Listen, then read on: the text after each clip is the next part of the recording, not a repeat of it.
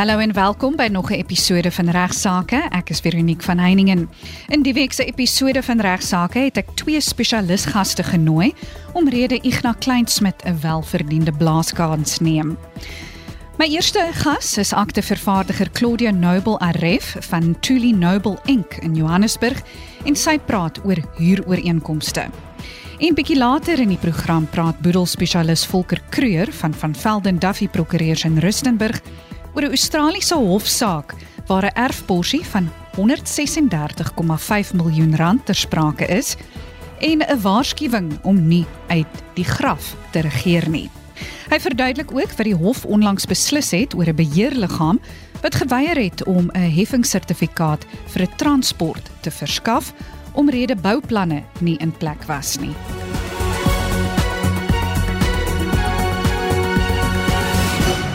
Ons begin die program die week met aktevervaardiger Claudia Noble Aref van Tuli Noble Inc in Johannesburg wat die week praat oor huurooreenkomste.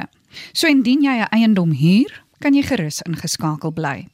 Welkom by Regsake Claudia en dankie dat jy weer deelneem aan die program. Goeiemôre Veronique en goeiemôre aan ons luisteraars. Claudia, jy gaan vandag met ons oor huurooreenkomste praat. Nou, daar is baie mense wat verkies om 'n huis te huur in steede daarvan om een te koop. Is 'n huurkontrak werklik nodig? 'n Huurkontrak hoef nie noodwendig op skrif te wees nie, soos wanneer 'n mens 'n huis koop, maar ek sal aanbeveel Veronique dat luisteraars nooit 'n huis huur sonder 'n formele kontrak nie, selfs al ken en vertrou jy die eienaar. Dit is wenslik om 'n huurkontrak te hê wat deur albei partye onderteken word. Die huurkontrak moet wettig wees volgens die Wet op Huurbehuising. Die huurkontrak sal dus onder meer inligting oor die gehuurde eiendom bevat, soos die deposito en rente, huurbedrag en betalingsdatum, inspeksies en verantwoordelikhede soos water en ligte betaling, sowel as die terugbetaling van die deposito. Hierdie huurkontrak beskerm die regte en verpligtinge van beide die huurder en die verhuurder. Huurders moet ook seker maak dat hulle die kontrak deurlees en verstaan wat van hulle as huurders verwag word. En wat is die huurder se verantwoordelikhede? Volgens die wet is die huurder verplig om die huurbedrag te betaal, die gehuurde eiendom goed in stand te hou en dit in dieselfde toestand aan die verhuurder terug te gee wanneer die kontrak verstryk. Die huurder is ook verantwoordeliker vir enige skade wat deur hul huishulp, bywoners of gaste aan die eiendom aangerig word. Die huurder moet die eiendom gebruik vir die beoogde doel waarvoor dit verhuur is, tensy anders aangedui is. Die huurder mag die eiendom nie vir onwettige doeleindes gebruik nie, soos oorbesetting, onwettige aktiwiteite of ongeregistreerde kleinhandel. Die huurder moet die eiendom altyd op 'n redelike manier gebruik, asof dit sy eie eiendom is en dit skoon en netjies hou. Met betrekking tot die tyd verbonde aan 'n huurkontrak, wat is die tydperk van so 'n huurkontrak normaalweg? Gewoonlik is 'n huurooreenkoms vir 'n vaste tydperk, byvoorbeeld 12 maande. Die huurder het egter die reg om die huurkontrak voor die einde van die vasgestelde tydperk te kanselleer. Die huurder moet die verhuurder 20 besigheidsdae se kennisgewing gee, wat eintlik 'n volle maand beteken. Dit gee die eienaar tyd om 'n nuwe huurder te vind. Indien die eienaar nie binne daardie tydperk 'n nuwe huurder kan vind nie, kan die huurder aanspreeklik gehou word vir 'n redelike kansellasieboete. Dit kan beteken dat die huurder tot 3 maande lank huur moet betaal as die eienaar nie ander huurders kan vind nie. Alhoewel dit dalk onregverdig mag klink, is dit die wet se bepaling om die verhuurder te beskerm teen finansiële verliese weens vroeë kansellasie.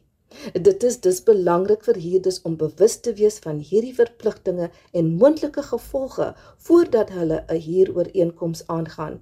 Dit is raadsaam om regself in te win om die implikasies van die kansellasiebepalinge te verstaan. Claudia, wat van deposito's? Wat word van die huurder se deposito wanneer 'n huurkontrak verstryk? Die verhuurder is geregtig om die deposito te gebruik om koste te dek wat die verantwoordelikheid van die huurder is soos agterstallige huur, onbetaalde waterrekeninge of verlore sleutels. As daar geen skade of agterstallige huurgeld is nie, moet die deposito en die rente daarop binne 7 dae na die verstryking van die huurkontrak aan die huurder terugbetaal word.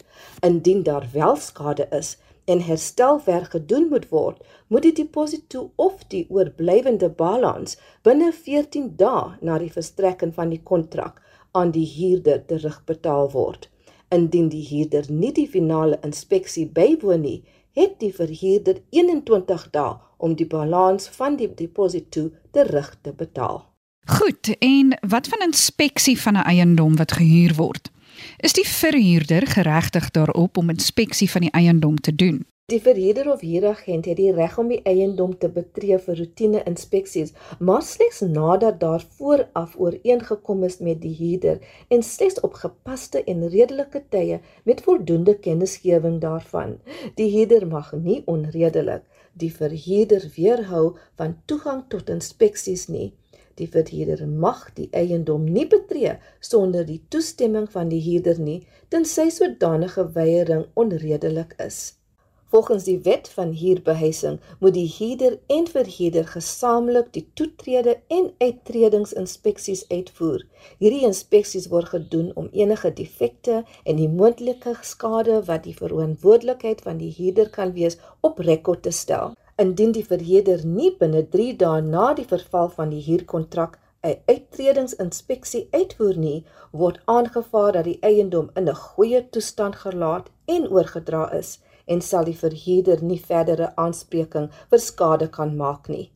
Sou die verhuurder egter pogings doen om 'n uittredingsinspeksie te reël en die huurder nie daarop reageer nie, mag die verhuurder binne 7 dae na die verval van die huurkontrak die eiendom evalueer en enige skade en die koste van herstel daarvan te bepaal en dit teen die deposito verreken.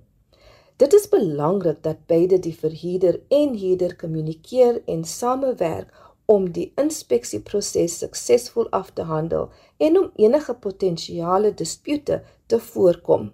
Indien daar 'n dispuut ontstaan tussen die verhuurder en die huurder, kan hulle dit voorleg aan die huurbehuisingstribunaal vir verdere afhandeling en besluitneming. Nou Claudia, hoe kan die huurbehuisingstribunaal van hulp wees? Veronique, die huurbehuisingstribunaal speel 'n belangrike rol in die fasilitering van verhoudings tussen huurders en verhuurders in Suid-Afrika. Die tribunaal het verskillende verantwoordelikhede, insluitend die advisering van huurders en verhuurders oor hul regte en pligte, sowel as die oplossing van geskille wat verband hou met huurbehuising.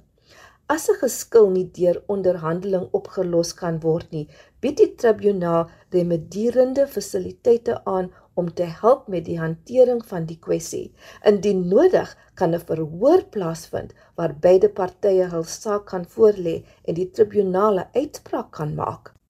Dit is belangrik om te weet dat 'n uitspraak van die tribunaal as 'n bevel van die Landdroshof geag word ingevolge die wet op Magistraatshof. Dit beteken dat 'n uitspraak van die tribunaal afdwingbaar is en dat partye wat nie aan die uitspraak voldoen nie, aanspreeklik gehou kan word. As dit egter nodig is vir 'n huiseienaar om agterstallige huur in te win, skadevergoeding te eis en 'n huurder uit te sit, kan dit raadsaam wees om die dienste van 'n prokureur in te skakel. As prokureur sal die proses van 'n regstapel volg, insluitend die indiening van 'n hofsaak indien nodig om die regte van die huiseienaar te beskerm en die nodige regshulp te bied. En net laastens, wat sê die reg oor uitsettings? Die huurbehuisingstribunaal is nie bevoeg om uitsettingssake te hoor nie. Indien 'n verhuurder 'n huurder wil uitsit, moet hierdie aangeleentheid hanteer word deur 'n landdroshof of die Hooggeregshof en dit vereis die dienste van 'n prokureur. Daar is geen algemene regshandeling meer vir die uitsitting van 'n persoon van afhul eiendom nie. Die eienaar of verhuurder moet die prosedures van die wet op die voorkoming van onwettige uitsitting en onregmatige besitting van grond volg, behalwe in gevalle waar die wet op die voorkoming van onwettige uitsitting verrigting van toepassing is.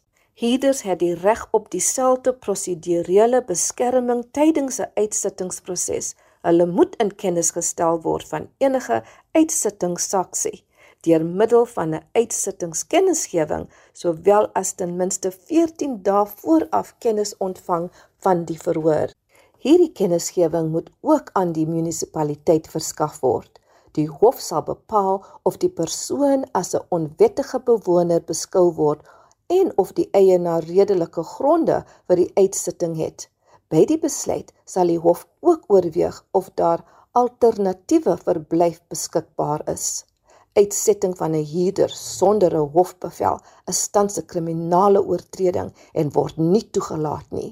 Dit is belangrik om die wettige prosedures te volg om die regverdige en regmatige uitsettingsproses te verseker.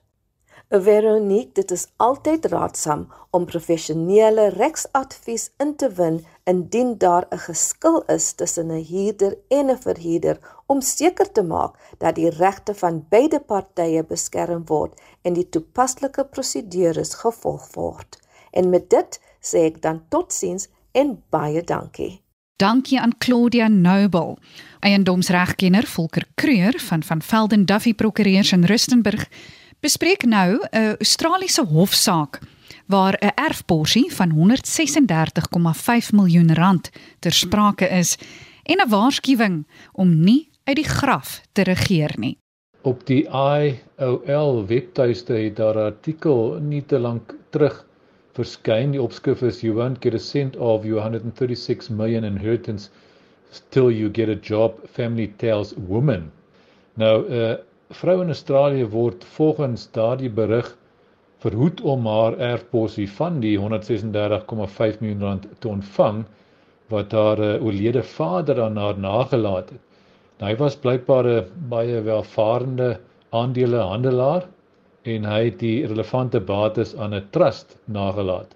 Nou volgens die berig het haar vader 'n voorwaarde aan die bevoordeling aan sy dogter uit die trust gekoppel naamlik dat sy 'n voltydse werk moet kry en ook dat sy iets uitsonderliks moes doen wat 'n positiewe impak op die samelewing sou hê voordat sy die voordeel uit die bates kon kry.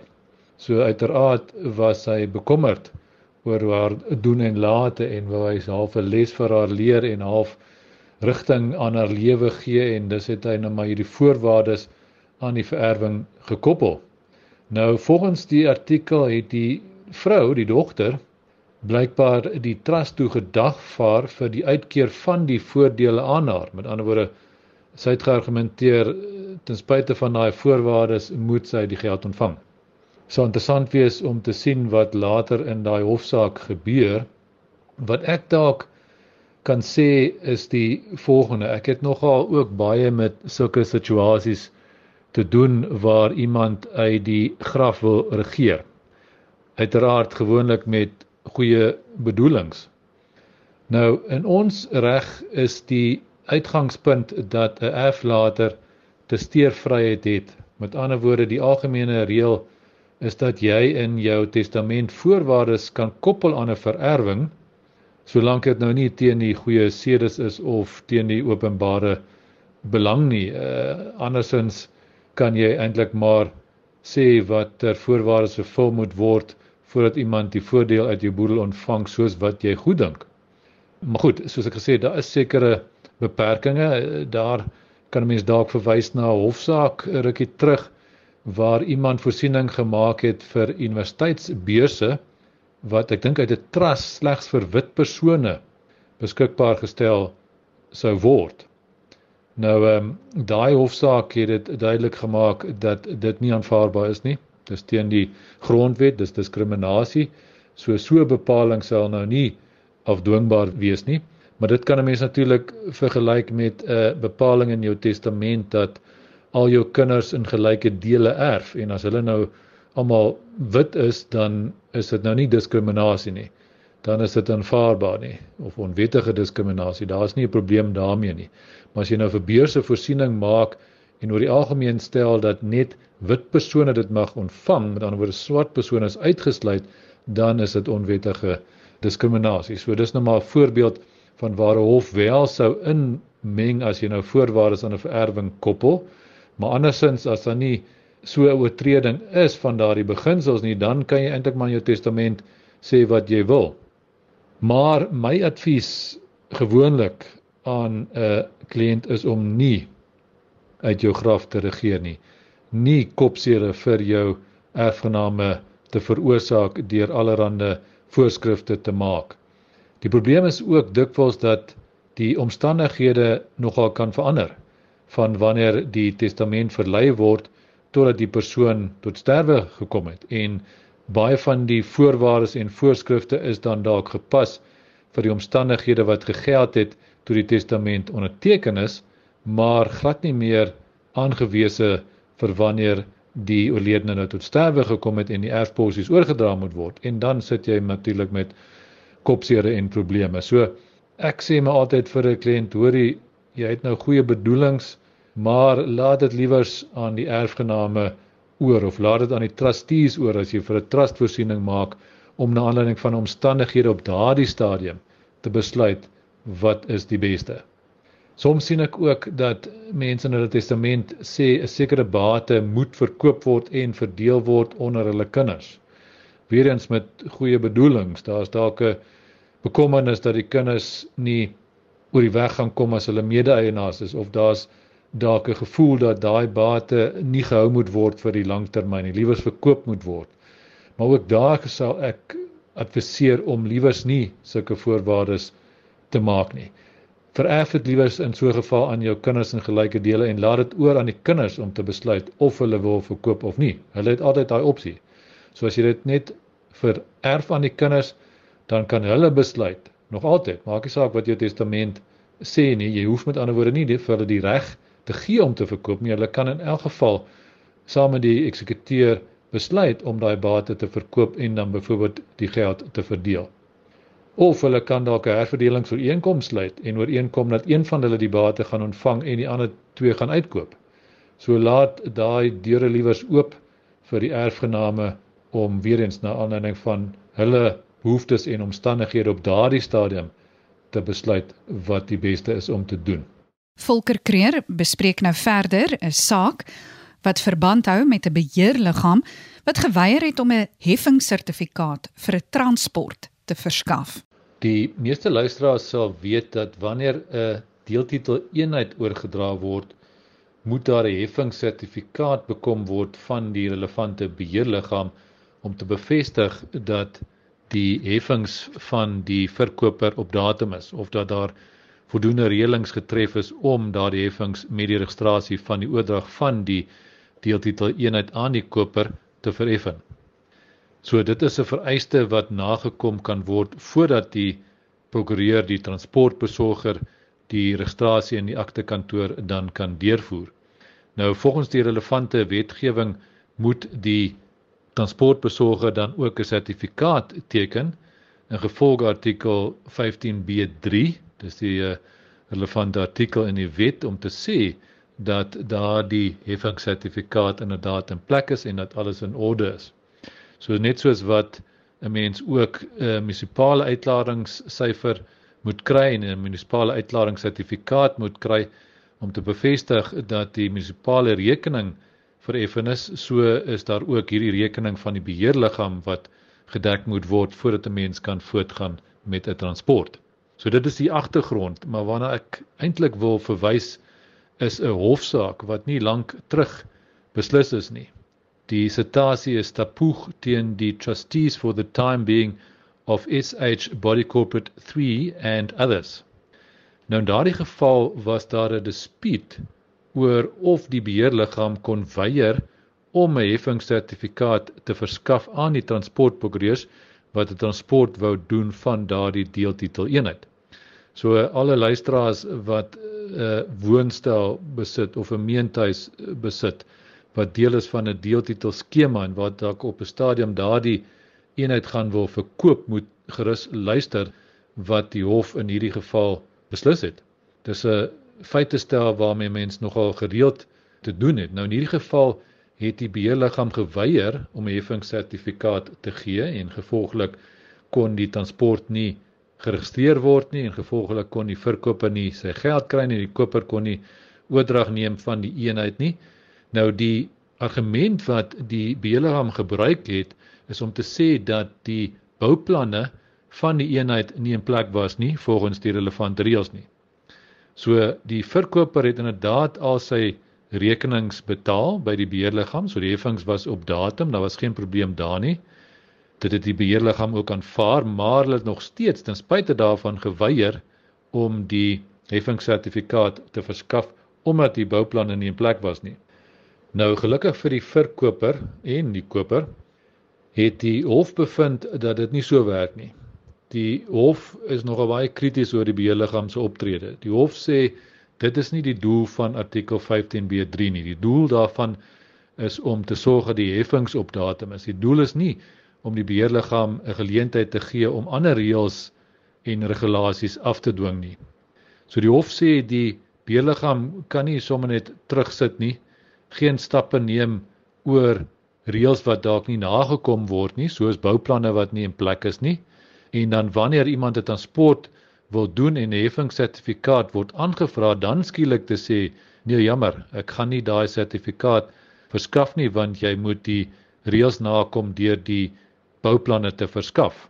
So die hof gee dus 'n bevel vir die beheerliggaam om daai deeltitel heffingssertifikaat wat uh, nodig is vir die transport te verskaf sodat die registrasie kan voortgaan.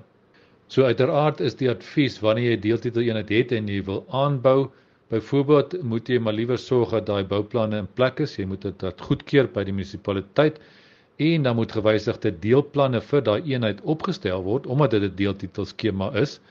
By voltitel is dit nie nodig om gewysigde planne by die landmeter-generaal se kantore te registreer. Jy moet net by die munisipaliteit toestemming kry, die bouplanne daarin gee, maar by die deeltitel eenheid is dit anders. So sorg maar dat daai goed in plek is, maar as dit nou sou gebeur dat dit nie in plek is nie en jy wil verkoop of 'n oordrag neem van 'n eiendom van 'n deeltitel eenheid, dan volgens hierdie hof en hierdie hofsaak kan jy wel die beheerliggaam dwing om daai heffingssertifikaat te verskaf en voortgaan met die transport. Baie dankie aan eiendomsregkenner Volker Kreur van van Velden Duffy Prokureurs in Rustenburg en dankie aan aktevervaardiger Claudia Noble Aref van Ntuli Noble Inc vir hulle bydraes tot vandag se program. Ignas sluit weer volgende week by ons aan vir regsaake, so moet dit nie maandag om 12:30 misloop nie.